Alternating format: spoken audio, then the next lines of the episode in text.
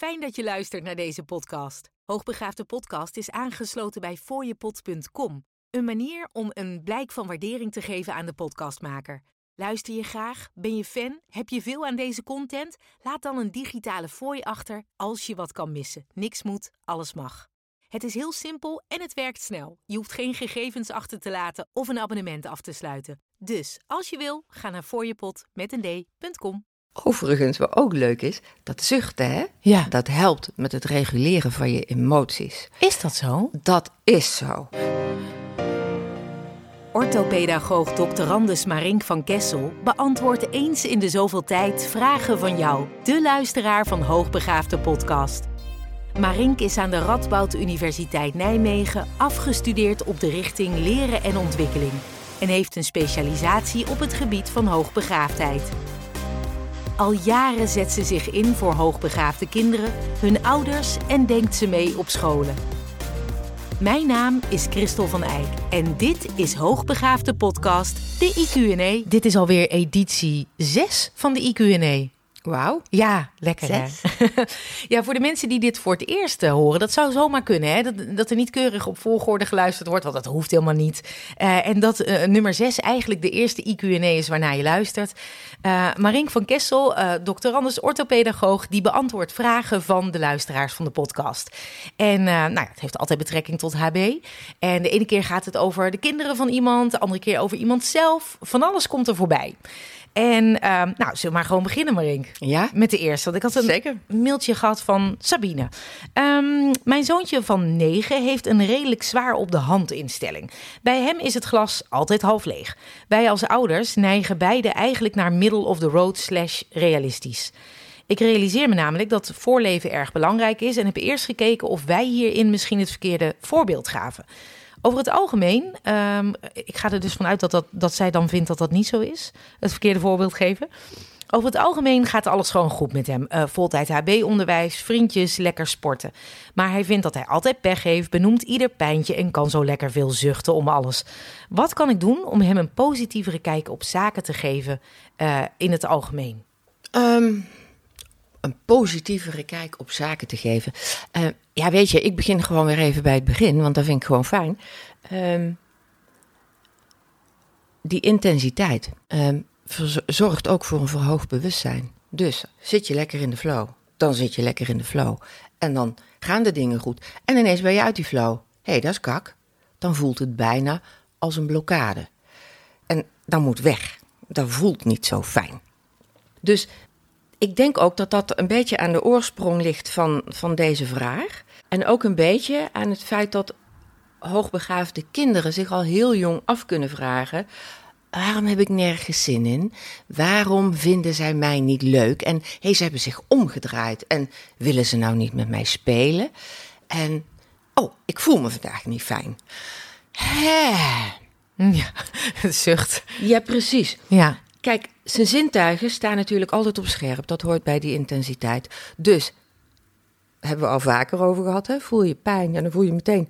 Auw! Enorme pijn. Heel veel pijn. Ja. Je kunt ook heel erg blij zijn. Dus kun je ook heel erg verdrietig zijn. Mhm. En bij alle mensen is het zo dat je het liefst positieve gevoelens hebt. Dus als het niet positief voelt, voelt het negatief. En over het positieve hebben we het vaak niet met elkaar. Want hé, hey, gaat toch lekker? Ik ben lekker aan het spelen, mam. Je, je gaat niet naar je moeder toe. Mam, ik ben zo lekker aan het spelen. nee, dan ga je door met waar je mee bezig bent. Nou, het doet pijn. Het voelt niet fijn. En, en hij wil ook al niet afspreken. Heb ik weer. Ja, Dat. Overigens, wat ook leuk is, dat zuchten, hè? Ja. Dat helpt met het reguleren van je emoties. is dat zo? Dat is zo. En ik zucht mijn hele leven lang al heel erg veel. Als je daar echt op gaat letten. Het zal wel niet zijn als ik in gesprek ben, als ik hier werk. Ik ben een zuchter. En ik ben een Oh. zuchter van... Maar ook nog thuis. Oh, kan daar achteraan komen. en, en mijn man heeft daar zo aan moeten wennen. En toen hij nog niet mijn man was. En inmiddels is hij ook af en toe van de hè hè. Ja. Maar ik, ik denk echt, ik ken er, ik heb meerdere mensen die dat doen. Ik vind het wel grappig. Dus het zuchten herken ik hierin. Dan betrok ik meteen op mezelf. Oké, dus zuchten Maar- dat reguleert emoties. Dus dat heeft een functie. Ja, en ook als ik dat doe, maak ik bijna zelf ruimte. Ah. En geef ik mijzelf soort van ruimte en ontspanning. En dan, dan laat ik het een beetje los. Dus daar hoeft Sabine zich in feite geen zorgen over te maken. Want dat is alleen maar mooi. Maar ik kan me wel voorstellen. Ik heb daarin ook twee typen verschillende kinderen. Eh, de een is volgens mij iets positiever over het algemeen dan de ander. Ik kan me wel voorstellen dat je als ouder denkt. Ja. dat je je kind gunt dat hij wat positiever erin staat. Ja, maar ja, is dat, is dat af te... Ik vind het fantastisch om te horen. Volgens mij leven wij het niet voor. Het is zo belangrijk dat Ze je... heeft goed geluisterd. da- dat je dat andere, eh, dat je voorleeft voor iemand die wat zwaarder op de hand is, dat relativeren een, een, een, ja, een kracht is. Ja. En dat het ook aan jezelf ligt hoe groot je het maakt. En dat je het dus ook weer kleiner kunt maken. En Ah. dat, dat, is eigenlijk wat ze voorleeft. Daar heb ik jou mij. eerder over gehoord. Over het filosoferen. Weet ik nog dat jij Ja. vertelde dat kinderen die, die eh, alle grote gebeurtenissen in de wereld. dat dat helemaal voor paniek kan zorgen. Toen heb jij het ook gehad over dat hele grote. langzaam kleiner maken. En terugkomen bij dat hele kleine dingetje waar het mee begonnen ja, is. Ja, ja. Oké. En in dit geval, bij iemand die zwaar op de hand is, je weet dat ik altijd zeg, hè, zelfkennis maakt het verschil. Mhm. Zeker bij hoogbegaafden met dat verhoogde bewustzijn. Ik zou hem uitleggen ehm, dat vanuit zijn zijnsluik hij dat verschil misschien wel, dan zou ik eens met hem over in gesprek gaan. Klopt het? Wat ik denk, dat dat verschil voor jou van, oeh, dit is fijn, kak, dat is niet fijn, dat je dat extra sterk voelt, dat dat daarom groter lijkt bij jou, maar dat misschien helemaal niet groter hoeft te zijn. Misschien maak je het wel groter. Zullen we dat eens gaan onderzoeken? Ik hou van het woordje onderzoeken. Hè? Ehm, zullen we dat eens gaan onderzoeken? Zullen we ook eens gaan onderzoeken of het dan lukt om het kleiner te maken? Want als het lukt om dat kleiner te maken, dan heb je meteen een handvat om het niet zo heftig en negatief te voelen. Ja. Ja. En als een kind dan aankomt met, oh, ik heb hier eh, pijn, ik noem maar wat. eh, eh, ik ben tegen iets aan, ik heb me gestoten. En oh, het doet ontzettend pijn. Dan kun je natuurlijk op dat moment niet zeggen, laten we het eens kleiner gaan maken, toch? Nee, maar wat je weer wel kunt doen. Ik, hoe oud was hij? Dat weet ik even. Negen. Negen. negen. Ja, dan, dan kan dat met hem. Ehm, ik hou nogmaals van onderzoekjes, want daar ga je altijd open-minded in. Dat lijkt wel een beetje op die filosofie. Dus ehm, nou, dan gaan we onderzoeken wat nou echt heftige pijn is. Want als jij de hele tijd, kun je uitleggen, hè, enorm aanslaat op ieder pijntje, dan weet je op een gegeven moment niet meer of die arm nou echt gebroken is of niet. Nee, dat is echt, dat is een heel persoonlijk verhaal. Wat dan? Wat ik graag even toevoeg. Nou, ik, heb, ik, ik had zo'n broertje die heel erg bang was voor tandartsen, dokters en van alles en nog wat. Maar ook sterke focus op zijn eigen, hoog, hoog intens, op zijn eigen gevoel had liggen. En bij ieder pijntje of bultje of ditje of datje rende hij naar mijn moeder. En dan kwam hij vragen of het iets ergs was of niet. Ach, ja. Nou, de korte versie van het verhaal is: er lag een bal op het dak van het schuurtje. Hij ging die bal halen. Hij was opeens heel stoer, ging achteruit lopen. Pas op, pas op, het randje. Nou, dat is Oh. helemaal nog niet het randje. Nee. Hij is van het scheurtje afgevallen en hij heeft zichzelf opgevangen en hij had zijn pols gebroken. Hij heeft werkelijk waar. Hij liep zo met zijn arm. Ik heb nu de, mijn hand in eh, mijn arm in mijn andere hand liggen. Zo heeft hij echt een dag rondgelopen. Nee, En echt waar, niemand dacht dat er ook maar iets aan de hand. Want, want ja, omdat hij altijd riep dat hij ergens last van had. maakte er altijd een drama van. Dus uitei- ja, uiteindelijk was het gebroken. Heeft hij zich nog opgesloten thuis, want hij durfde niet naar het ziekenhuis en, enzovoort. Ach. Dus ja, is voor, in, in onze eh, familiegeschiedenis is dat een prachtverhaal. Nog Ja. steeds hebben we het erover. Maar op dat moment was het voor hem niet zo.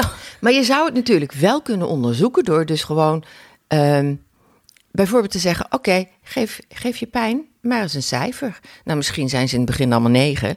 Eh, nul is geen pijn, tien is enorme pijn, is negen. negen. Oké, ik zie alleen maar een schrammetje. Oh, is dit net zoveel pijn als toen? Weet je, je- het, het geeft een beetje grip. Ja, ja. Goeie. kunnen. Nou, Sabine, ik hoop dat je hiermee geholpen bent. En, en je zoon natuurlijk dus, hè. Ehm, Oscar, die eh, heeft het ook over zijn zoon. Eh, onze zoon is van nature een zachtaardig kind. Dol op de natuur, knuffelen, veel fantasie en erg in het moment. Maar hij laat ook een andere kant zien... waarvan ik eigenlijk denk dat deze niet van hem is. Namelijk super stoer gedrag. Hij gaat in de klas om met de wat stoerdere oudere jongens. Hij heeft ook een oudere broer. Hij gedraagt zich heel stoer en praat hard en overschreeuwt zichzelf daar soms mee. Het is net alsof ik een ander kind zie, namelijk die uit zijn klas. Uh, hoe kan ik hem uitleggen uh, dat uh, hij dicht bij zichzelf mag blijven? Dat een ander kopiëren hem weghaalt van wie hij is. Want als ik heel eerlijk ben, ben vind ik deze stoere kant van hem echt veel minder tof. Staat hier dan die andere kant van hem. Ja, dat snap ik. Dat snap ik. Je hebt ook een, opeens eventjes een ander kind in huis, hè, soort of. Um, ja, weet je, ik vind eigenlijk gewoon heel intelligent gedrag van hem. Ik vind het ook een hele goede copingstijl van hem. Want hij, ik, ik vermoed mm -hmm. dat hij in die nieuwe klas komt. Het was een nieuwe klas. Dat weet, weet ik, eigenlijk niet. niet. Maar goed, dat hij, dat hij in de klas, uh, de, die oudere, stoere jongens, hij is zelf heel zachtaardig.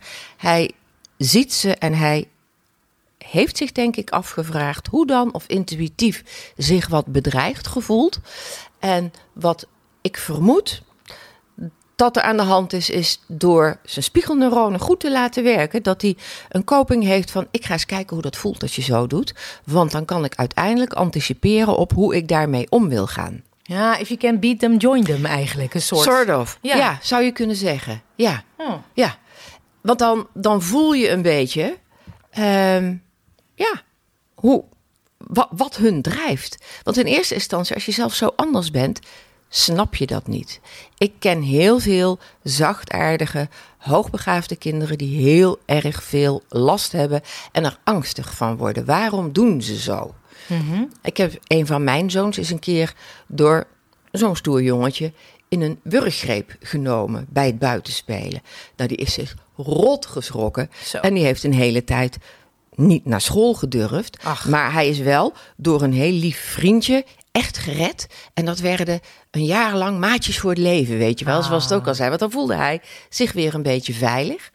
Um, ik denk dus dat die soort van... Ja, en dan is het ook nog kopieergedrag. Um, dan ga je altijd een beetje in een overdrive, want het is niet echt van jou. Dus dan vergroot je dat een beetje uit, omdat je eigenlijk een beetje aan het acteren bent op je, op je eigen toneel. En dan neem je mee naar huis. Ik denk dat het, dat het. Ik vind het fijn om te horen dat ouders die verandering zien. Dat ouders die verandering gewoon begrenzen en soort van ontmoedigen. Want ja, wij houden van jou zoals jij bent. En dit ben jij eigenlijk niet. Mm-hmm. Um, er staat alleen, ik zie geen leeftijd. Verschilt het ook nog of het een jong kind is of een kind dat, ik noem maar wat in groep 7, 8 of dat zie ik er niet bij staan. Ik denk dat kinderen altijd kopieergedrag kunnen laten zien. Dus ook nog op de middelbare bijvoorbeeld. Ja, natuurlijk. Ja. Jazeker. Ja. Dan helemaal. Als je gaat puberen, dan wordt, worden je peers super, super, super belangrijk. Dus dan ga je kijken tot wie wil ik me verhouden. En dat is toch ook die fase waarin je van alles gaat uitproberen. En dan kun je, dan kun je, kun je gothic worden of je kunt uh, whatever, disco Alto, worden. skater, of ja. ja, alles. Of, of je wordt even de kakker en je gaat maar eens even kijken, want bij wie hoor ik nu eigenlijk? En, en in dit geval, als het jonge kinderen betreft, is het, is het vaker nog de survival modus. Of dat je gewoon niet goed weet hoe of wat. Weet je nog dat ik, toen ik de eerste keer bij jullie Teun mocht komen kijken, dat hij eigenlijk het gedrag van de juf kopieerde. Ja, even denken. In en het de begin juf inderdaad. ging helpen. Want Ja. we gaan opruimen. Dus hij ging heel proactief opruimen. Hij wist al wat er moest gebeuren. Hij, Hij was ging bijna helpen voor, bij bij de spreken. Ja, echt. Dat- En hij heeft later ook eh, een paar eh, kindjes gehad waarmee hij speelde. Waarvan ik dacht, kies je die nou uit? Juist inderdaad ook de stoere jongens uit de klas. En de, de- daar hebben we het met jou toen ook over gehad. Van, wa- Wat doe je daar nou mee? Als je eigenlijk voelt, het kindje past eigenlijk niet bij Dat klinkt misschien een beetje raar. Ja. Ehm, ja, wat hebben wij toen besproken? Het is alweer een ja, tijd geleden. Ja, vol- volgens mij hebben we het eh, in, in dezelfde lijn besproken van eh, zou het kunnen dat? En je zei ja, dat zou wel kunnen. Dat hij dat nodig heeft om ook te weten waar die kinderen vandaan komen. Ja, ja, ja. En hij doet veel intuïtief, jouw teun. Maar dat, dat doen heel veel hoogbegaafde kinderen.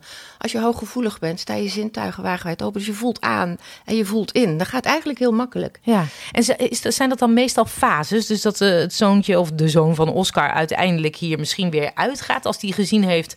Oké, zij functioneren zo, dat past niet helemaal bij mij. En ik ga weer door naar iets anders. Volgens mij wel. Volgens mij is dat bij jullie teun ook zo gebeurd. Ik weet nog dat dit een Ja. tijdje mee naar huis nam. Ik weet het, maar ik vind dat moeilijk om te, omdat hij natuurlijk de overstap op een gegeven moment maakte van de reguliere school waar dit speelde Ja. naar zijn nieuwe school. Dus Ja. dat was een soort hele natuurlijke. Het, hield op omdat hij eh, Ja. wegging. Dus Ja. ik weet niet of het door. Nou, ik herinner mij ook nog dat het in de, in de nieuwe klas, dat daar een Hmm. drukkere jongetje zat of zo. En dat hij dat, dat, die dat ook weer Ja, in het begin was overnam in het begin. En Ja, na een tijdje is Ja. eigenlijk. Ja, Ja. Vanzelf, nu heeft hij helemaal zijn draai en kindjes die echt bij hem passen, Precies. volgens mij. En, eh, Precies. ja, ja, ja. Dus uiteindelijk ga ik ervan uit dat ieder kind toch weer zichzelf wordt. Maar wel ondertussen heeft geleerd. ehm, oh, als ik in zo'n situatie kom, dan heb ik handelingsrepertoire. Ik weet hoe ik ermee om wil gaan. Ik weet wat er gebeurt. En dan kan ik beter een keer een, ik noem maar wat, een elleboogje teruggeven of zo. Van ga aan de kant jij. Dan eh, dat ik zeg, oh niet doen, want dat vind ik niet fijn. Ja, precies. Dus Oscar hoeft zich in die zin geen zorgen te maken. Het zou een fase kunnen zijn. En ehm, ondersteunen met wat zij doen. Hoe kan ik hem uitleggen eh, dat hij dicht bij zichzelf mag blijven? Ik denk dat benoemen gewoon, toch? Ja, Ja. zeker. En ook, ook jouw vermoeden benoemen van zou het daarmee te maken hebben. Dat is wel heel ingewikkeld voor, ja, we hebben geen leeftijd voor heel veel kinderen. Van ja, de, de, weet ik niet of, of dat je daar aan mag komen of dat een kind daar wat mee kan. Maar in ieder geval dat je ziet, na een schooldag ben je wat anders, zit je veel bij drukke kindjes eh, enzovoort. Ja, Ja. helemaal goed. Eh, Marit, die heeft ook een bericht gestuurd. Ehm, onze zoon scoorde het hoogste op het domein getallen en ruimtelijk inzicht. Hij rekent inmiddels op niveau groep 5-6. Hij zit na versnellen in groep 4. School vindt dat hij moet rekenen met de strategieën, omdat hij anders straks vast zou lopen. Antwoorden op rekensommen plopt hij er in no time uit, maar als hij de strategie bij de toets op moet schrijven, telt de juf het fout, want hij gebruikt niet de goede stapjes. Ook met het automatiseren van de tafels heeft hij moeite. Hij rekent het liever snel uit. Ik denk dat hij pas gemotiveerd wordt voor het gebruik van strategieën als hij merkt dat het, hem, eh, dat het een voordeel oplevert ten opzichte van zijn snelle denkvermogen. Volgens de juf moet hij het nu al volgens boekjes doen. Wat is jullie mening over je moet strategieën leren, anders loop je bij moeilijkere sommen vast? En hoe krijgen we hem gemotiveerd voor iets wat hij zelf niet nodig denkt te hebben? Ja, dat zijn twee hele mooie vragen. Want het zijn twee losse vragen. Ik snap dat hij een nut en een noodzaak er niet van inziet. En dat hij er dus niet voor gemotiveerd is. Nee. Ehm, ik zou hem uitleggen dat dat komt omdat het voor hem veel fijner is om als Max Verstappen in zijn raceauto te stappen en direct weg te scheuren. Want Ja, deze sommen kan- kent hij en hij kan dat op inzicht en hij heeft ze meteen te pakken. Maar hij remt en hij stuurt niet. Hij bestuurt zijn brein niet. Hij gaat ervoor. En wij hebben die Max Verstappen metafoor niet, niet voor niks. Maar ik zit nu bijvoorbeeld, begeleid ik een jongetje met een heel hoog IQ, die in groep 8 zit en die zijn sommen niet meer allemaal kan maken. Dat vindt hij ontzettend irritant, want hij kon altijd heel snel vooruit. Ja. Ehm, en nu, als, als hij gewoon vrij mag rekenen en de juiste sommen allemaal strategisch in vaste stappen bij elkaar heeft gedaan, dan pas kom je op het laatste rekenstaartje uit bij complexe opdrachten. Dat is wat hij leuk vindt. Wat hij nu doet, is zonder remmen sturen, willekeurig wat getallen eruit plukken, want hij is getraind om voor de snelste modus te gaan. En plop, dat is het antwoord. Maar Ja. al het automatiseren vindt in vaste stappen plaats. Zelfs je aankleden, leren jezelf aan te kleden, gaat niet anders dan dat je bij onderbroek begint. Ja, ik Ook goeie, al ja. weet jij hoe het er aan de buitenkant uit gaat zien. En ook al doe jij je t-shirt en je broek aan en vind je dat je klaar bent, gaan wij met elkaar allemaal zeggen: ah, ah, je, Je mist de onderbroek. onderbroek. niet, of je sokken niet, Ja. of nou ja, dat. En ehm, het allerbeste voor dat hele snelle brein is het als hij bij die makkelijke sommen die stapjes meteen mee automatiseert. Want het gaat inderdaad om vaste stappen, zodat je straks meteen inziet bij een complexe opdracht: moet ik dat en dat doen? Kan ik dat ook lekker snel doen? Dan behoud je je snelheid. Ja. Anders wordt die breuk tussen snelheid en dat andere. Ja, dan krijg je een soort. eh, je mist een stuk doordat je steeds zo snel bent En- gegaan. Dan voelt het zo kak, omdat je dan steeds moet remmen. Ja. Nou, Daarom moet een topvoetballer ook blijven trainen. Ja, ik zal heel eerlijk zijn. Ik, ik, ik denk dat, eh, dat, dat dat in mijn systeem ook zit. Want ik heb een complete error met getallen. Eh, ja hoor, er hangt nu bij ons thuis een, eh, zo'n rekenschema van de tafel 1 tot en met 10 op het toilet. Gewoon omdat het er ook superleuk uitziet. En iemand die de podcast ook volgt, die maakt die dingen superleuk. Oh, toch? Ja, dus, ehm, maar ik heb daar zelf ook baat bij om daar af en toe naar te kijken. Want bij mij is het niet goed in mijn systeem eh, gekomen. Ja. Dus hoofdrekenen, uh-uh. no way. Ik kan niets zonder rekenmachine. En dan kan ik boos om worden want ik heb een verkering thuis die alles uit zijn hoofd kan. Want die moest op school, op zijn, op zijn vervolgopleiding, alles uit zijn hoofd doen. Ja, alles. ja, ja, ja. Ja, dat is wel een. eh, Ja. Dan voel ik me zo. Dan ga Ja. je weer. Dan voel ik me zo dom. Zo dom. Ja. Dus ik snap eh, wat jij nu uitlegt over die methode. Het, het moet. Maar hoe? Je kan het uitleggen aan de kind met die max, maar. Onderwijsarrangement voor hoogbegaafden, compacte. Verrijken, verdiepen, verbreden. Als hij zo goed kan rekenen, dan leggen we aan hem uit waarom het moet. Nou, dat heeft de juf soort van gedaan, maar toch, dat mag nog een Ja. beetje nadrukkelijker. Ehm, is ook leuk om hem dat met andere dingen te laten oefenen. Bijvoorbeeld, ehm, eh, ik heb het bij mijn kind wel eens gedaan door ze koffie te laten zetten met zijn ouderwets koffieapparaat. Van doe je eerst dit, doe eerst dat. Als je dat niet in goede stappen doet, dan krijg, je echt geen lekkere koffie. Volgens mij heb ik dat voorbeeld wel vaker aangehaald. Maar dat is zo. Dus we doen het in vaste stappen. Ehm, Dus je kunt andere dingen erbij halen, metaforen. Mm, Ja. Alles is automatiseren. Al het geautomatiseerde gedrag wat je snel kunt doen, dat is de juiste stappen achter elkaar uitvoeren. En dan kom je ergens. Ja. Ja. Ja, we gaan ook niet autorijden zonder de motor eerst te starten. Eh, ja, goed. Ehm, compacte is voorwaardelijk hiervoor. Want hij moet iets gaan doen waar hij geen zin in heeft. Dus dat betekent dat hij daar wel iedere dag even aan blootgesteld moet worden. Maar zijn rekentalent moet net zo goed die plek krijgen. Want dat, het is zo fijn om vanuit je talent te kunnen werken. Ja, toch? Ja, ja, heerlijk. Dus dat, dat, sorry voor het moeten, we moeten ook een plek krijgen.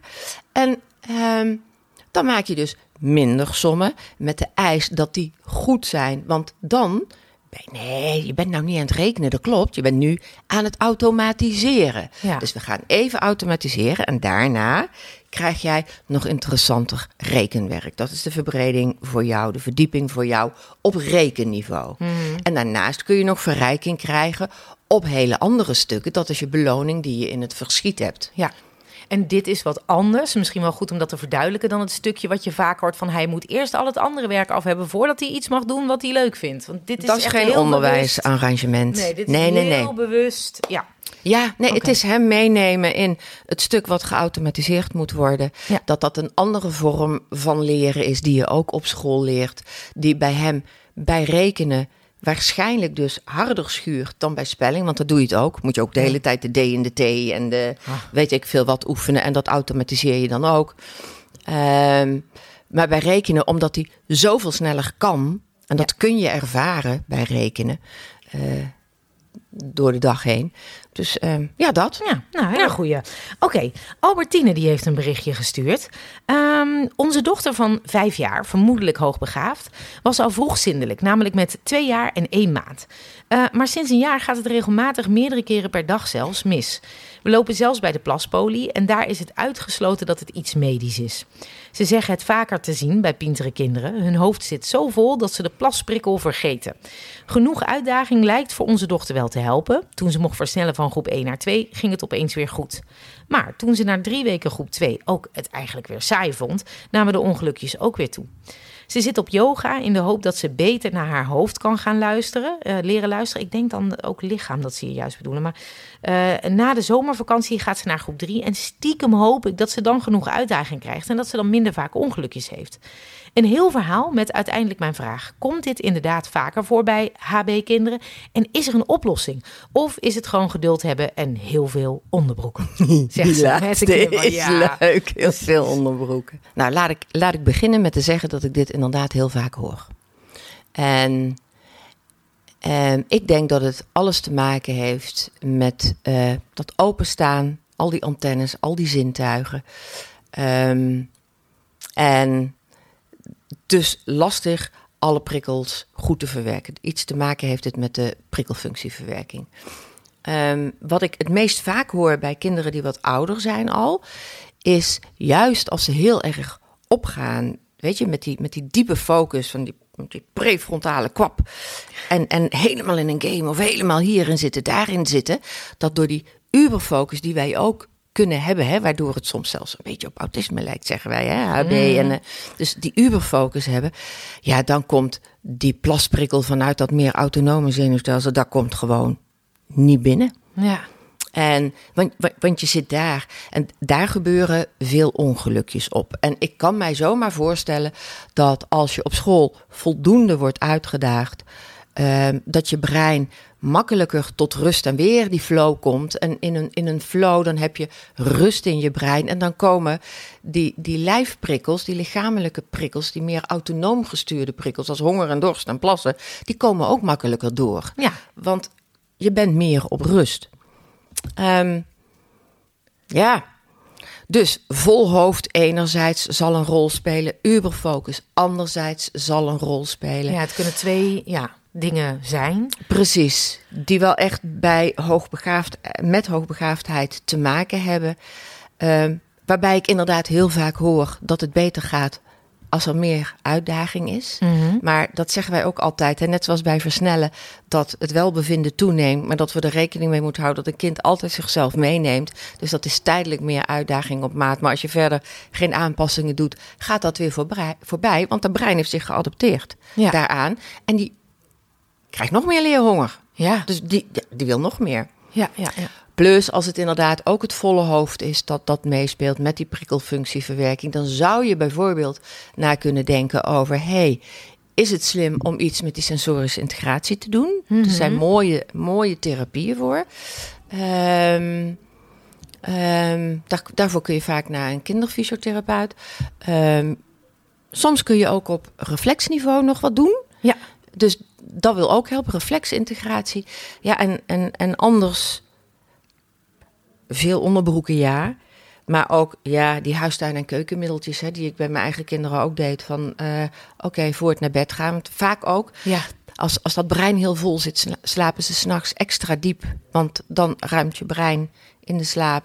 In de slaap wordt je brein een Oh, soort ja, van precies. opgeruimd. Verbindingen die je nodig hebt, die worden bestendigd en andere worden weggekieperd. Als je zo'n vol hoofd hebt, dan gaat dat ook heel erg tekeer. Dus zien we ook vaak dat ze s'nachts niet zindelijk zijn. Ja. Of later zindelijk zijn. Wij hadden daar een soort van trucje voor bij ons thuis. Wat hadden Eh, jullie? hadden alsof het al heel lang geleden is, Ja. maar dat valt wel mee. Maar eh, bij het avondeten gewoon lekker drinken. Natuurlijk, we, Ja. we- we- wij drogen onze kinderen niet uit hoor. Maar na het avondeten Ja. gewoon niet meer. Nee. Want wij hadden een keer een oppas gehad. En die had de kinderen vervolgens anderhalf glas limonade nog gegeven. Nou ja, dat ging s'nachts mis hoor. Dat was echt... Ja, precies. Nou, Ja, nou exact. Dat is wat ik wou zeggen, inderdaad. Eh, het- S'avonds eh, voor het naar bed gaan niet meer drinken. Uurtje van tevoren niet meer. Ja. Eh, dat is wat je kunt doen voor nachtelijke zinnelijkheid. Maar dan ben je er nog niet, maar het gaat vaak wel een beetje beter. Ja, ja. En eh, ja, die overdag prikkel, misschien volgens hetzelfde principe voor. Ik blijf maar even bij het game voorbeeld. Voor je gaat even, even mag gaan gamen. Ga ook even naar het toilet. Want dan is je blaas in ieder geval leeg. En meestal mag je maar een uurtje of zo. En dan overkomt je dat wat minder. ja. Maar ja, als het gedurende de dag voortdurend gebeurt, is het lastig. Ja, en ik snap ook dat het vervelend is als het Ja. gebeurt met je kindje op school. Want Ja. de juf is natuurlijk niet zo gefocust alleen Ja. op jouw kind als jij als ouder. En die ziet het niet aankomen. En, ah. En vaak is het alleen maar aanplassen, overigens, bij oudere kinderen, wat ik Aanplassen? hoor. Wat is dat? aanplassen. Dat je begint te plassen, Ja? dat je daar dan toch iets op signaleert. Je, Van, je, on- je onderbroekje wordt een beetje nat en dan hou je hem weer op. Oh. En dan ga je daarna, dan hopen we dat ze, als ze dat hebben, direct naar het toilet gaan. Want dat is een hele goede training. Dus dat zou ze misschien nog mee kunnen nemen. Ehm, maar als dat niet gaat, als dat ook weer een gewoonte is geworden. Maar in ieder geval niet alles laten lopen is wel heel fijn voor het kind zelf. Dat scheelt alweer iets inderdaad. Ja, en dan is wel het begin van het signaleren van die prikkel dus gemaakt. Dat is positief. Ja. Oké, Albertine, heel veel succes. En nog, toch nog misschien nog wat onderbroekjes, maar het komt uiteindelijk goed. Eh, de laatste voor deze is van Wietske. Ehm, onze dochter moet naar voltijds HB-onderwijs, 20 kilometer verderop van thuis, neem ik dan aan. Op school is dat de perfecte keuze. Toch mist ze erg het met vriendinnetjes vanuit het dorp spelen. Op het schoolplein worden de afspraken gemaakt en dat mist ze dus omdat beide scholen tegelijkertijd uitkomen. Nu begint ze meteen in de auto berichten te sturen en fietsen overal Ah. langs. Ja, ik zie het al helemaal Ja, voor me. ik ook. Dat werkt minder goed dan vroeger. Nu voel ik me wel eens schuldig, maar de oude school dat kon ook echt niet meer. En de vraag is, hoe ga je hiermee om? Focus vol op nieuwe contacten met de beperking van een kleinere klas, minder keuze, grotere afstanden, dus minder spontaan. Eh, als ouders meehelpen met lokale contacten, of heb je andere tips? Ik vind, het, ik vind het logisch dat je die vragen stelt. Mm. Ehm, ik, ik heb natuurlijk geen trucendoos voor van alles of zo. Maar ik kan me wel voorstellen dat je dit organisch laat verlopen. Het klinkt voor mij een beetje, maar ik weet niet of jij dat ook ervaart, Christel. Alsof ze nog niet zo lang op die school zit. In ieder geval dan het afgelopen schooljaar, misschien nieuwe- ja, begonnen. Ja, Ja, denk ja. ik althans. Ja, ik kan me voorstellen als je dat organisch laat verlopen, dat je zowel stimuleert van hey, kun je afspreken met, met de kinderen uit de klas, eh, uit je nieuwe klas, maar ook nog even ondersteunt. Want het klinkt wel alsof ze er heel veel behoefte aan heeft en dus een beetje verdrietig van is. Mhm. Ja, dan, dan zou ik wel helpen met. Oh, zouden we met die of die af kunnen spreken? En zullen we eens wat appen of opzoeken en een paar eh, speelafspraken maken? Eigenlijk deed ik dat ook gewoon met mijn eigen kinderen wel eens. Want dan wilden ze heel graag met Pietje of Klaasje spelen. Maar Pietje en Klaasje die waren iedere keer bezet, want die waren nogal populair. Ja, dan hielp ik ook van, oh, jij kan vandaag niet. Pietje, Klaasje, kunnen jullie misschien dan morgen komen spelen? Ja, ja, ja. dan leggen we dat vast. Nou, even naar mama lopen, want anders dan ben je het vergeten. Nou, tegenwoordig kan dat met WhatsApp natuurlijk heel makkelijk of zo. En eh, oh, ze hebben nu afgesproken om morgen te spelen. Ja. Ja, misschien heb jij nog tips, want ja, Ja, precies. Ik Ja, zit ook mee te denken. ja. We hebben hetzelfde meegemaakt met onze oudste natuurlijk. Eh, die zit nu twee jaar op voltijd HB-onderwijs.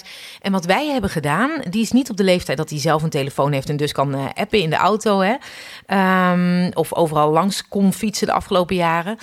Wat wij hebben gedaan is met hem heel duidelijk de afspraak gemaakt. Het is anders op je nieuwe school. Hè? Er is meer afstand. De kindjes wonen verder weg. Dus afspreken op het moment zelf is niet zo handig. Ja. Dus wij hebben met hem afgesproken, spreek voor de dag erna af. En dus de, de, de, daar moet je kindje wat ouder denk ik voor zijn. Want als ze nog heel jong zijn, dan is dat een beetje Mhm, ingewikkeld. Maar hij, hij wist dus bijvoorbeeld de afgelopen jaren... op woensdag kan ik afspreken. Ja. Dus als je nou zeker wil weten dat het kindje waarmee je af wil spreken kan... vraag het op dinsdag alvast. Precies. En dan 's ochtends in de auto zei ik altijd... hé hey, eh, Teun, eh, vraag even hè, als je morgen Ja. af... Ja, ja, dat is goed. Ja. En dan was het vaak... en als hij het was vergeten, stuurde ik die middag of die avond nog een berichtje naar de moeder. ja. Dus 9 van de 10 keer. En uiteindelijk, eh, dat is heel grappig. Ik weet niet of voor de dochter van Bietske ook zo werkt. Maar weten de kindjes vaak van, oh, die kan op die dag wel. En die kan op die Ja. dag niet. Want dan, hebben ze, Oh ja, dan gaat hij ja. voetballen, weet je wel zo. Ik denk wat wel eh, mee zou moeten spelen. Als je kind in een nieuwe klas leuke contacten maakt. Dan wil je kind er ook moeite voor doen om afspraakjes te gaan maken, toch? Zeker. Ehm, en misschien is het bij de dochter van Bietske nog zo dat, ze, dat de aansluiting nog, nog even lastig is. ja, Ik, maar ik weet niet hoe jij erover denkt, Marink. Ik denk ook wel. Ehm, eh, alles hè, where focus goes, energy flows. Als zij nog heel erg gefocust is op haar oude klasgenoten, dan zal de nieuwe klas, mm, dan zal ze misschien nooit kunnen ontdekken wat voor leuke kindjes daarin zitten. En dat er misschien wel een meisje in zit waar ze echt wel goede vriendinnen mee kan worden. Als de focus continu op die oude klas blijft liggen. Maar ja, ja hoe de- dat is. dat is een beetje van hoe lang in de tijd eh, speelt dit? Ja. En, en heeft ze inderdaad al aansluiting daar? Want Ja. dat gevoel moet je wel hebben. Ehm, en blijkbaar heeft ze wel goed kunnen spelen met de kindjes. Uit de oude klas. Uit de oude klas. In het dorp. Of uit de, uit de buurt. Ja. En dat, zou, dat is natuurlijk de ideale situatie. Hè? Als je ehm, met buurtkinderen kunt spelen en kunt afspreken. En dat je met schoolkinderen iets op kunt bouwen. Ja. Dat, dat hoeft elkaar in principe niet te bijten. Maar het klopt wel helemaal wat je zegt. Als je focus op de oudere school, oudere, andere kinderen blijft, uh, blijft liggen, dan ben je misschien wat meer gesloten dan je denkt. Ja, en dan schiet mij nog iets te binnen. Stel, ze heeft het heel leuk in die nieuwe, uh, op die nieuwe school of in die Mhm. nieuwe klas. Uh, en het is daar overdag oké. En ze is blij met wat daar is. Maar spelen doet ze graag met de kindjes uit het Mhm. Stadsdorp. Of de, Ja. Als dat voor haar oké is, Zeker. misschien kan ze daar een gesprek met haar over voeren. Ja, en als, precies, want dan kom je er misschien ook achter of ze het nog lastig vindt in de nieuwe klas. En dan is het goed om de leerkracht daarvan op de hoogte te stellen, Ja. zodat die ook een beetje kan helpen. Want je kunt al zoveel doen voor kinderen om ze eh, op een fijn plekje te zetten. Naast wie zou je dan willen zitten? Eh, zodat je meer vanzelfsprekend wat contact opbouwt. En ehm, hoe kan ik je helpen? En bij buitenspelen, oh, dan sta je soms alleen of sta je niet alleen. En met wie speel je dan? Ja. Daar kan een leerkracht echt een verschil in maken. Oké. Ik denk al met al een paar suggesties. En Ja. eh, ik hoop, Wietske, dat het voor jou en je dochter over een tijdje eh, wat op zijn plek mag gaan vallen, toch? Ja, ik ook. Ik ook. Marink, ik wil jou heel hartelijk bedanken voor deze IQ&A. Het is een wat kortere, maar voor de herfstvakantie komt er eh, alweer eentje aan. Dus eh, dan worden er weer opnieuw vragen beantwoord. En dan, eh, nou ja, de- heel fijn weer. Ja, zeker. Altijd een feestje, vind ik echt. Luister jij graag naar deze podcast en wil je de maker ondersteunen? Geef dan een digitale fooi. Dat kan via fooiepot met een d.com. Namens de maker van deze podcast, dank je wel. fooiepot met een d.com